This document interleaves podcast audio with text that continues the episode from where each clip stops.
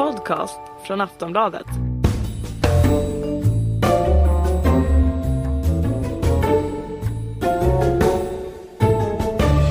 Så var det dags igen. Eh, lönedags. Du lyssnar på en podd om vinterns stora kraftmätning mellan fack och arbetsgivare från Aftonbladets ledarsida. Vi ska prata om din och min lön, om hur avtalsrörelsen kan påverka arbetslöshet, inflation och statsfinanser. Och just idag tänkte jag att vi ska prata om internationell konkurrens och varför det alltid verkar vara ett argument för lägre löner. Eh, vi ska också försöka förklara vad som händer om principen sist in först ut försvinner från arbetsmarknaden. Jag heter Ingvar Persson och skriver eh, om arbetsmarknaden på Aftonbladets ledarsida. Tillsammans med mig har jag Susanna Lundell från Sveriges största fackförbundstidning, Kommunalarbetaren. Ja, Välkommen! tack. Och Tommy Öberg bland, som bland annat har varit chefredaktör för tidningen Arbetet på den tiden den fortfarande hette LO-tidningen. Du är också välkommen förstås. Tackar. Och det gäller också er som lyssnar förstås. Eh, jag tänkte att vi skulle börja med det här om internationell konkurrens. Eh, för någon vecka sedan gick ju industrins arbetsgivare ut och förklarade att lönerna på sin höjd kan höjas med någon procent. Helst inte ens det om man ska vara riktigt ärlig. Och argumentet var bland annat löner, att lönerna i Kina, Estland och Indien är mycket lägre än, än i Sverige. Möjligen också att man i Finland inte tänker höja lönerna så länge. Eh, men, och vi kommer tillbaka till det där. Men Susanna, jag tänkte, det finns, det finns ju en fråga som jag har funderat över. Och det är, alltså när man pratar om internationell konkurrens så pratar man ju alltid om de här industriarbetarlönerna. Men det finns ju också områden där, där det faktiskt är konkurrens om arbetskraften. Till exempel inom vården där ju folk åker till Norge och jobbar istället. Eh, borde inte det också räknas in i den internationella konkurrensen? Det kan man ju tycka. Det är väl som vanligt att det är liksom männen som är i fokus och männen traditionellt har varit industriarbetare. Så att eh, fokus ligger där och har så gjort länge. Och det är, där, det är de man tittar på. Det är där man ser de stora pengarna. Så att, eh, men visst, det vore intressant om man tänkte om och tänkte vård och omsorg. Traditionella kvinnoyrken. Skulle man kunna resonera så Tommy? Ja, alltså jag tycker det skulle vara spännande om man eh, just tittade på vilka grupper på den offentliga sidan, på tjänstesidan som idag har en alternativ arbetsmarknad som till exempel som du säger Norge.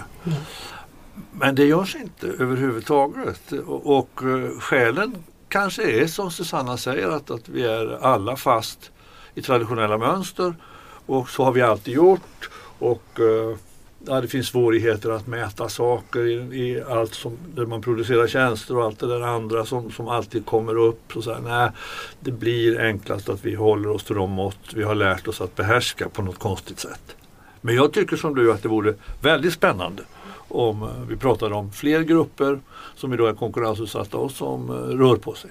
Och som kan vara konkurrensutsatta på ett annat sätt. Och i verkligheten händer ju det här. Alltså när man ska anställa, om vi tar sjuksköterskor i mitt hemlän Dalarna eller, eller i Värmland eller sådär. Så är det ju en, en väldigt rejäl sak att man måste, måste resonera om ja, men hur lönesätter vi det här om vi ska få några som, som vill komma hit och stanna kvar. Ja, man kan ju se det också om man går, bara går ett, eh, ett dygn eller två tillbaka i den artikel som kommunalarbetaren eh, hade på, på nätet om löneutvecklingen för de här grupperna i kommuner och landsting under 2014. Och då är det ju två eller tre gånger så mycket som det industrin tar ut. Alltså, de är ju inte ett dugg störda utav något märke eller någon normsättning utan de lever ju sitt eget liv just som är i hög utsträckning marknadsstyrt. Som du säger, om ska landstinget få några sjuksköterskor på flera ställen får man betala betydligt mer än vad man kanske från början hade tänkt. Så är det ju. Är det där en, en, en liksom insikt som finns om, om man nu tänker på den kommunala arbetsmarknaden? Ja, där finns det, men kanske inte på andra sidan då, industrin. Där behöver man börja tänka på det och eh, där, är, där finns traditionerna. Där är man kanske inte beredd att tänka om. Så att det är ju det är ett stort arbete att göra om man ska släppa in ett annat tänk. Men det vore väl väldigt spännande om man, om man gjorde det. Ja, vi får väl se hur det där, Ja. hur det där kommer att utveckla sig. Vi lär få komma tillbaka till det här med, Med med märke och, och alla sådana saker. Eh, det här att, man, att, man, att teknikarbetsgivarna så liksom uttalat eh, drog in Kina och Indien eh, i, i liksom argumentationen. Är det nytt Tommy? Ja, jag skulle säga att, att det är nytt i, i så mått att, att valet av jämförelseobjekt överraskar åtminstone mig. Mm. Eh, normalt sett så brukar, eller under 2000-talet kan man vara ärlig nog att säga, så har Tyskland alltid stått i förgrunden för teknikarbetsgivarnas lönejämförelser och villkorsförändringar. Och det är inte så konstigt för att där har reallönerna stått still under 10 alternativt 11 år. Så det har varit för dem ett väldigt bra sätt att mäta svensk löneutveckling mot och säga att vi tar ut för mycket här. Tyskarna som är en jättestor konkurrens, en stor marknad för oss, håller igen. Det måste vi också göra. Nu är det precis tvärtom faktiskt. Alltså, tyskarna har en löneutveckling för närvarande i industrin som ligger kring 3 enligt prognoserna för i år och ungefär lika mycket nästa år. Då är det inte så konstigt att de är utrangerade ur jämförelsen och då blev det Kina och länder i Baltikum som dök upp och så Finland som då är i en djup kris. Där regeringen ju försöker pressa igenom villkor som, som kan stanna hela Finland i en jättestrejk om, om det här fortsätter. Så att jag, jag var överraskad över jämförelseländerna måste jag tillstå. Jag reagerar på samma sätt och just det här med Finland tycker jag känns nästan skrattretande att dra in därför att det finns ju ingen, finns ju ingen likhet med Sverige i det i det läget. Så det är ju, man, man letar efter, man är lite desperat i vem ska vi jämföra med som det inte, som det inte är så stora löneökningar för att vänta. Men, men, tror ni att det här är någonting man verkligen räknar på eller, eller är det någon eh, eh pressansvarig eh, liksom artikelförfattare som har suttit och, och, och tänkt hur, hur ska vi lägga upp det här? Ja, det, sånt vet man ju aldrig riktigt säkert men, men jag, jag, tror väl att, att de har resonerat igenom det för det vore orimligt om, om, om en enskild tjänsteman skulle ges möjligheter att välja länder att jämföra med och att eh, processa. Utan jag tror att det här är en del i upptrappningen som pågår just nu fram mot förhandlingsstart och vad det är för bild man vill etablera i hela samhället av vad finns det för utrymme och vad måste vi tänka på och hur ser det ut i vår omvärld, de som konkurrerar med oss. Alltså det är som vanligt ett krig om mm. att bestämma dagordning i hög utsträckning. Jag tror inte att de på allvar tror att facken liksom kastar sig på backen och säger oj, nu måste vi börja titta på löneökningstakten i Kina eller i Estland eller Lettland. Det tror jag inte att de tror. Ja. Men de vill sätta fast den bilden. Mm. Och det var väl inte egentligen ens löneökningstakten man, man lyfte fram. Eh, då är vi Kina ett dåligt exempel. Utan, Mycket dåligt. Utan snarare just lönenivåerna. Mm. Men, men, för, men för den som, den som lyssnar och liksom försöker följa debatten och, och, och vara med. Och så, och så har vi, jag menar för en månad sedan satt vi här och pratade om om facken inom industrin som då hade lagt fast eh, och sagt att 2,8 procent det, det måste vi kunna kunna klara av och då klarar sig också sysselsättning och konkurrenskraft och sådana saker. Det här är ju inte, inte några vildbasar. Eh, och sen då nu en månad senare sitter vi och pratar om ett bud eller en, en, en liksom verklighetsbild där, där det egentligen inte finns något utrymme och måste ligga väl under 1% som, som ju formuleringen. Eh, alltså hur kan fack och arbetsgivare komma till så olika bilder? Susanna? Ja, det är ju ett stort spel, jakten på det perfekta avtalet från båda håll. Och då är man ju beredd att vifta med olika varningsflaggor som man ser då från arbetsgivarnas sida. Medan man då från fackförbundens sida lyfter fram allting som görs, att det faktiskt går bra för svensk ekonomi just nu, att det går bra för många inom olika näringar.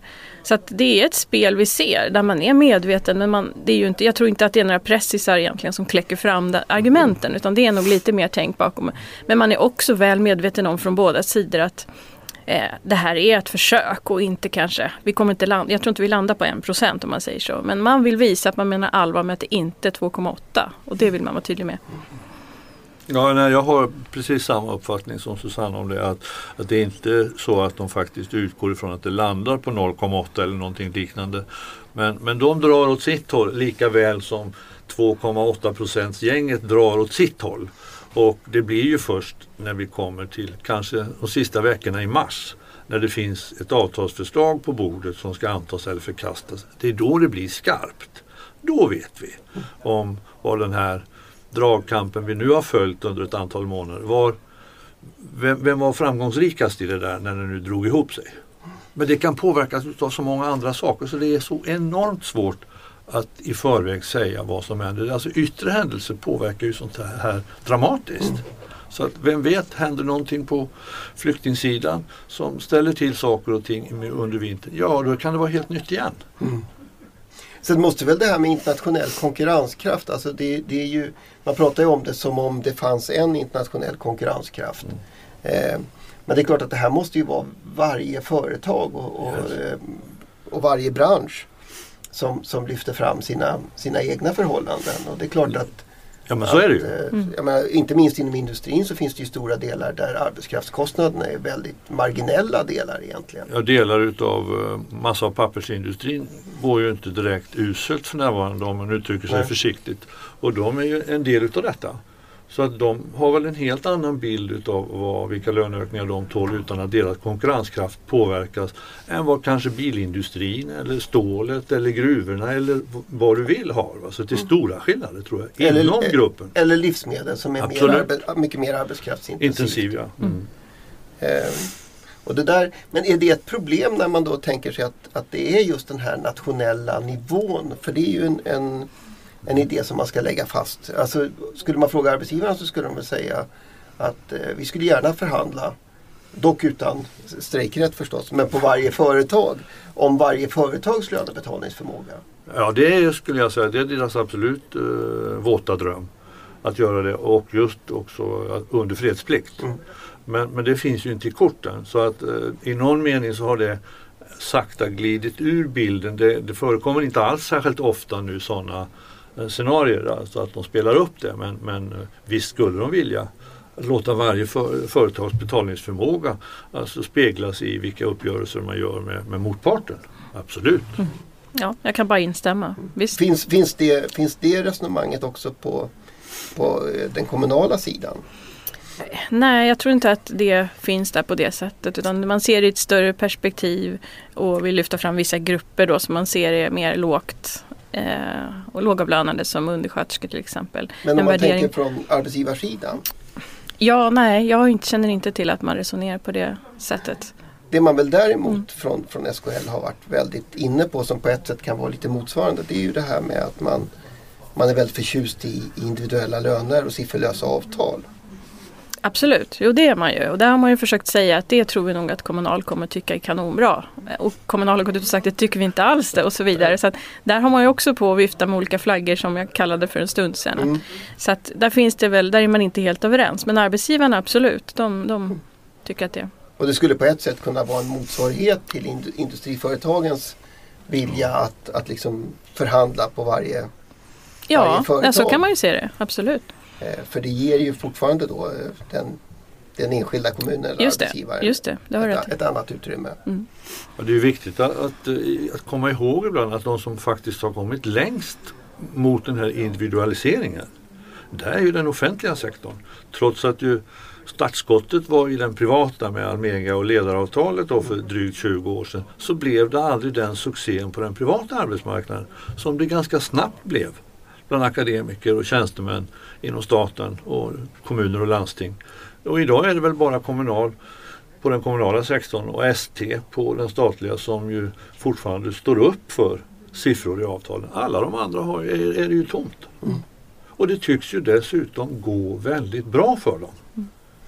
Beror det på avtalskonstruktionen eller på att man har, har marknadskrafterna i ryggen? Ja, jag tror mer på marknad. Och att eh, det finns en ja, nästan lite tråkig insikt att göra att det finns inte, jag kan i alla fall inte erinra mig en enda rikspolitiker eller profilerad kommun eller landstingspolitiker som har varit Kommunals främsta vän och dragit för dem och sagt att det är de som vi verkligen måste satsa på nu. Utan det politiska stödet har hela tiden riktats mot relativt välavlönade grupper redan. Det är lärare, mm. det är sjuksköterskor, det kan vara socialsekreterare, det kan vara polisen. Men det är ingen som pratar om undersköterskor, vårdbiträden eller andra. Som, det finns inga politiker som drar åt dem. Jag kan bara instämma. Jag tycker att Tommy har en verkligen viktig poäng där. Att lärarna är ju de som man har tittat på och som man har lyft fram och där man har haft stöd hos olika politiker och, och, och, så vidare. Och det ser man ju lite grann smyger in nu också när man säger att under 30 000 ska man inte så att säga som nyexad lärare, det ska man inte ha och så. Och så tittar man på undersköterskelönerna som ligger betydligt lägre. Och då måste man ju lyfta det i ett längre perspektiv. Vi ser en åldrande befolkning i Sverige där man kommer att behöva undersköterskor. Det kommer att vara en av de viktigaste grupperna. Och då är de lågavlönade och då blir det svårt att locka folk till de här yrkena. Så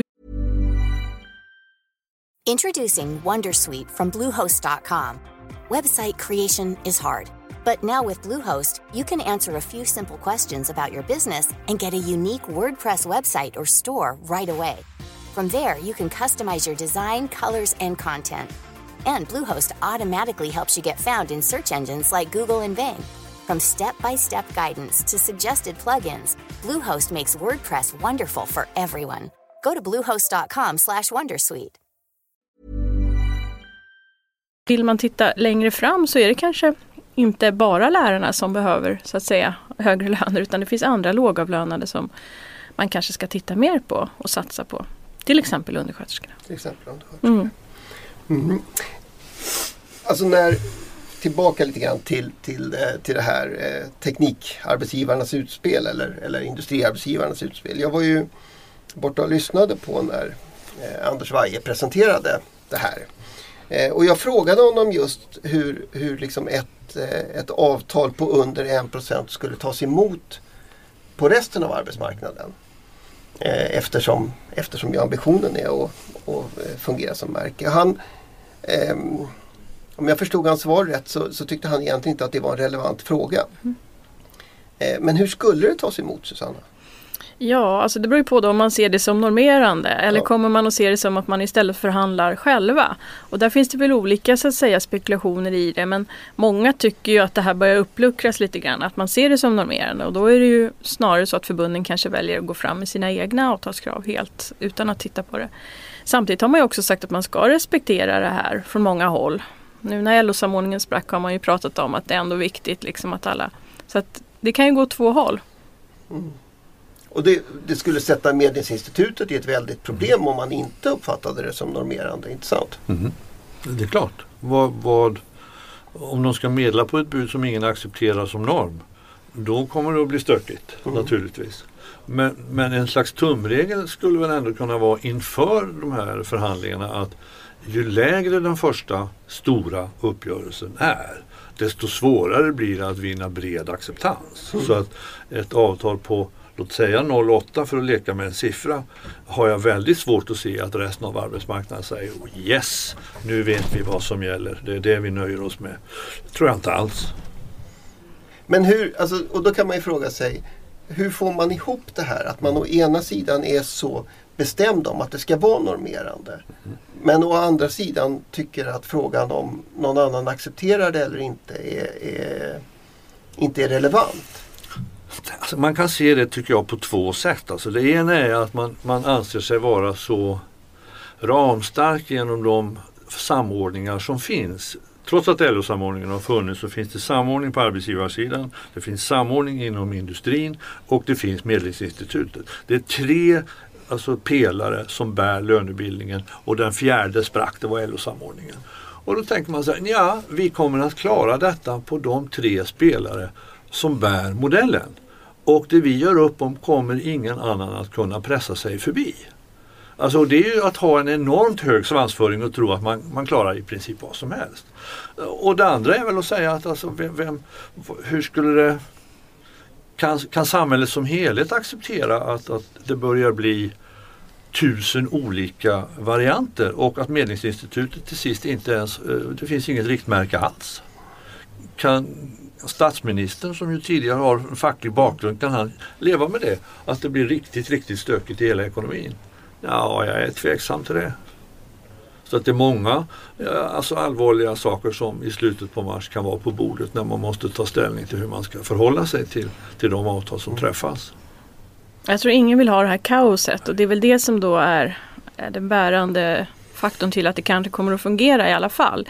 Men det kan ju få andra effekter som att det kan bli korta avtal, det kan bli ettåriga avtal istället. Och då får vi stökigt på andra sätt. Vi får olika avtalslängd istället för att vi har att avtal går ut samtidigt i, i alla fall högre utsträckning. Och vi behöver då, det blir avtalsrörelse hela tiden kan man säga. Det blir på ett annat sätt.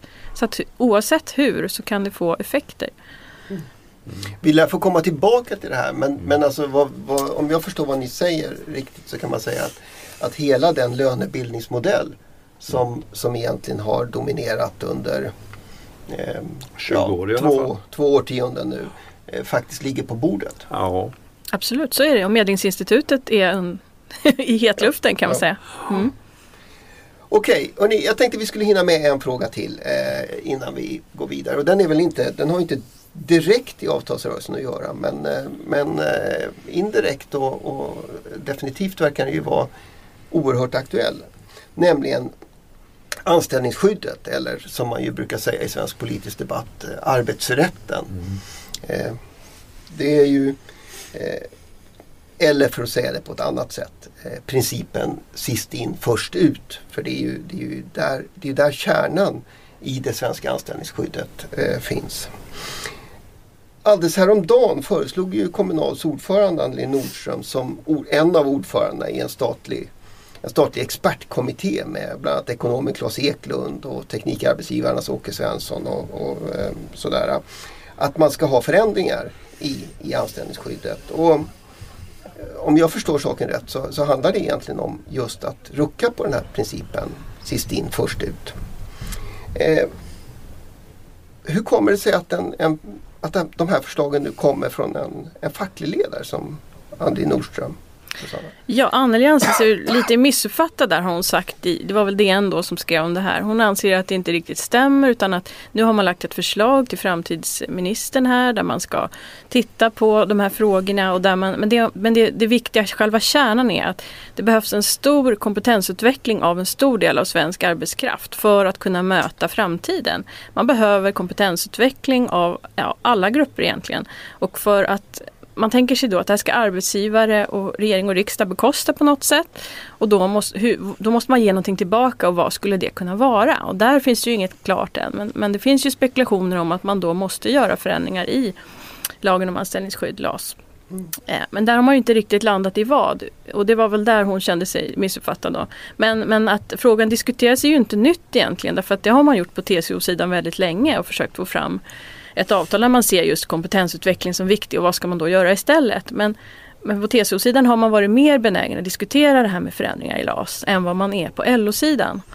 Där det är väldigt känsligt kan man säga. Så att, eh, det är en känslig fråga för väldigt många och inte helt lätt att liksom gå in och, och, och göra förändringar. Men även Metall och Handels har väl i princip ett avtal eh, mer eller mindre färdigt som har varit väldigt omdiskuterat. Ja, det är min bild att, att de har kommit uh, relativt långt i sina överläggningar med industriarbetsgivarna och handelsarbetsgivare att, att hitta ett upplägg på detta. Nu hann man väl inte så långt som man hade, kanske hade hoppats innan avtalsrörelsen som helhet tränger bort den här frågan, i alla fall under det närmaste halvåret. Men jag skulle vilja lägga till en sak när det gäller huruvida Anneli Nordström är missuppfattad eller inte. Det har jag ingen som helst aning om. Men det som jag saknar i den här expertgruppens sätt att resonera och när Metall och Handels närmar sig frågan det är att eh, det är en helt renons på analys utav att makt förändras. Maktbalansen mellan de parter som idag har att enas om en avtalsturlista försvinner fullständigt så vitt jag förstår om man säger att anställningstid ska inte styra vem som får gå eller, utan det är kompetens. Vem, då kokar det ju ner till frågan, vem avgör vem som är kompetent? Och då faller det under arbetsledningsrätten. Så det är arbetsgivaren som bestämmer det. Och då är vi ju tillbaka till innan vi hade någon lagstiftning om turordningsregler och LAS. Vi flyttar oss 40 år bakåt. Jag tycker att det är jättekonstigt. Arbetsgivarens rätt att fritt för, äh, anställa och avskeda arbetskraft. Som, som ja, och jag tycker att det är jättekonstigt att, att man inte åtminstone tar upp det och säger det att ja, jo, vi ser den här problematiken och vi vrider och vänder på det och vi har åsikter om hur man skulle kunna göra det. Men jag tycker att, att frågan bara är borta. Man pratar inte utan man säger bara att det är så oerhört viktigt att alla är kompetenta den, på den framtida arbetsmarknaden. Ja, men så har det väl varit jämt. Mm. Att arbetskraften alltid ska vara tipptopp. Jag uppfattar också att den är lite borta och det tror jag beror på att det är väldigt känsligt mm. och att det finns en irritation av just det här med handels och hela det här att man liksom redan har börjat. Det är inte alla som tycker att det är så bra bland de andra LO-förbunden och därav den stora tystnaden. Mm. Men det är som du säger, det är ju enorm, enorma inskränkningar man gör om man går in och gör de här förändringarna. Det kommer ju påverka väldigt många på svensk arbetsmarknad. Så Ska vi bara för säkerhets skull, alltså det här svenska anställningstryggheten. Den, alltså man får ju intrycket när man, när man har följt politisk debatt i låt oss säga 20 år eller, eller någonting sånt. Så kan man få intrycket att det här är, är, är liksom eh, oerhört rock solid, eh, stenhårt. Men, men vad är egentligen, alltså vad, vilka, vilka möjligheter har en arbetsgivare att säga upp personal? Hur stora som helst skulle jag säga. Arbetsgivaren äger frågan om när det överhuvudtaget uppstår arbetsbrist. Den frågan är inte föremål för, för några fackliga överenskommelser. Det bestämmer arbetsgivaren. Min lönsamhet är för låg. Det är arbetsbrist råder. Jag behöver säga upp fem. Det kan facket inte invända mot. Sen kommer det till frågan, vilka fem? Vem ska få gå? Där har lagstiftaren sagt att ah, vi tycker att de fackliga organisationerna, alltså de anställdas företrädare, ska ha ett ord med i laget om ni ska göra hoppa över de som har längst anställningstid på grund utav kompetens eller kunskaper. Och, och, Det är den enda fackliga maktposition man har där. Alltså det är att vara med att diskutera turordningen. Och för att gå med på vissa saker så kan man ibland skaffa sig en fördel i en förhandling. Då. Att göra det lite gynnsammare för de som tvingas lämna till exempel. De får längre eller mer pengar på det där sättet. Men i övrigt så finns det ju ingen facklig makt att stoppa uppsägningar.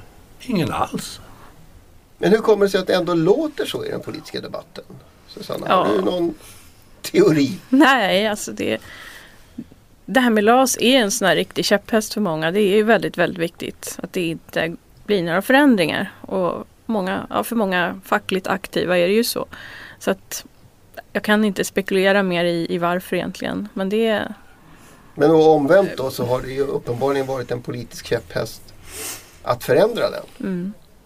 Eh, mm. Alltså att, att, att komma åt just den här jo, principen. Det har ju funnits en irritation hos en del tror jag att man kan sitta 20 år och, och sitta kvar och så kommer det in nyanställda som kanske är driftigare och bättre och högre utbildade. Och när man måste göra besparingar så heter det att då måste man, då är det liksom sist in först ut. Så tappar man Kalle som var så väldigt driven, man har kvar Stina som inte var det. Och så, den diskussionen är ju den som har varit tydlig. Men sen det Tommy är inne på är ju egentligen så, det, det går ju ändå för arbetsgivarna på olika sätt att bestämma över vilka anställda man har. Eh, så att det, det, det, är väl mer att det blir lite mer tricky att göra det så att säga. Men det är klart att, att man kan. Mm.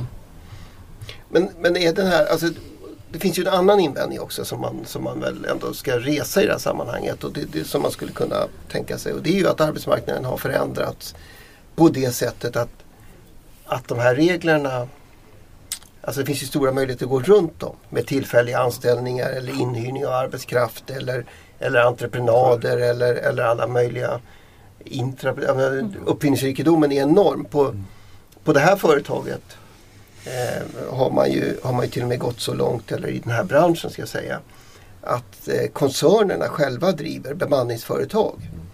Eh, så stannar pengarna i, i aktieägarnas fickor men, men eh, man behöver inte ta arbetsgivaransvar. Alltså tidningsbranschen pratar jag om. Mm. Eh, är det där en invändning? Alltså driver dagens regler på osäkerheten på arbetsmarknaden? Ja, alltså man måste ju ge dem rätt som, som säger att eh, lagen kom till när arbetsmarknaden såg helt annorlunda ut. Att på den tiden så, så fanns ju inte de här lösa förbindelserna som vi nu lever med. Mm, alltså på svensk arbetsmarknad är det väl 600-700 000 som inte ens är tillsvidareanställda. Men som går till jobbet varje dag. Och det är klart att deras säkerhet är ju inte alls eh, lika stor som de som, som i, i likhet med oss då har haft fasta anställningar under större delen av livet. Visst är det så. Och du har ju rätt så tillvida att alltså, om det blir liksom stopp på ett ställe, om det blir svårt att välja och plocka ut vem man vill göra sig av med eller återanställa. Ja, då är ju det här med att, att ta in bemanningsföretag ett sätt va? att få den här allmänna visstiden som den borgerliga regeringen införde är ju ytterligare en hjälp på vägen då så att man kan man når ändå nästan sina mål va? trots detta förhatliga regelsystem då med turordningsreglerna som man vill förändra. Så att eh, men Visst har du rätt i att, att, eh, att det där hänger ihop. Alltså man gör saker vid sidan om som förändrar balansen. Visst är det. Jag kan bara instämma. Det är ju en annan arbetsmarknad idag. Vi som har jobbat i den här branschen länge har ju sett det med bemanningsanställda och med projekt och så. Men det finns ju nu även inom vård och omsorg. Så visstidsanställningarna ökar och man, man ser, man tittar på varandra och då får man ju en annan. Man har delade turer, man har inte säkra inkomster. Man måste ha flera jobb för att försörja sig. Det blir en helt annan situation. Och då öppnar ju det upp för andra tankar och lösningar och möjligheter. Mm. Och kanske öppna nya risker. Öppna nya risker också, absolut. Mm. Vi lär få komma tillbaka till den där frågan också även om den kanske de närmaste månaderna kommer att vila lite grann i, i, eh, liksom skuggan utav, utav avtalsrörelsen och mm. lönerna. Mm. Eh, jag tackar för den här månaden, för det här året blir det, för det här är årets sista lönedags. Eh, det är dags att, att, att fira helger, eh, jul och nyår och när vi kommer tillbaka så kommer ju parterna ha växlat bud och vi kommer att vara igång med förhandlingar på riktigt allvar. Mm. Eh, så jag hoppas att eh, Susanna och Tommy kommer tillbaka. Jag hoppas att ni som lyssnar eh, kommer tillbaka då också. Vi kommer igen i slutet av januari när kanske årets mest efterlängtade lön är på väg. Tack så mycket. Tack ska du ha. Tack.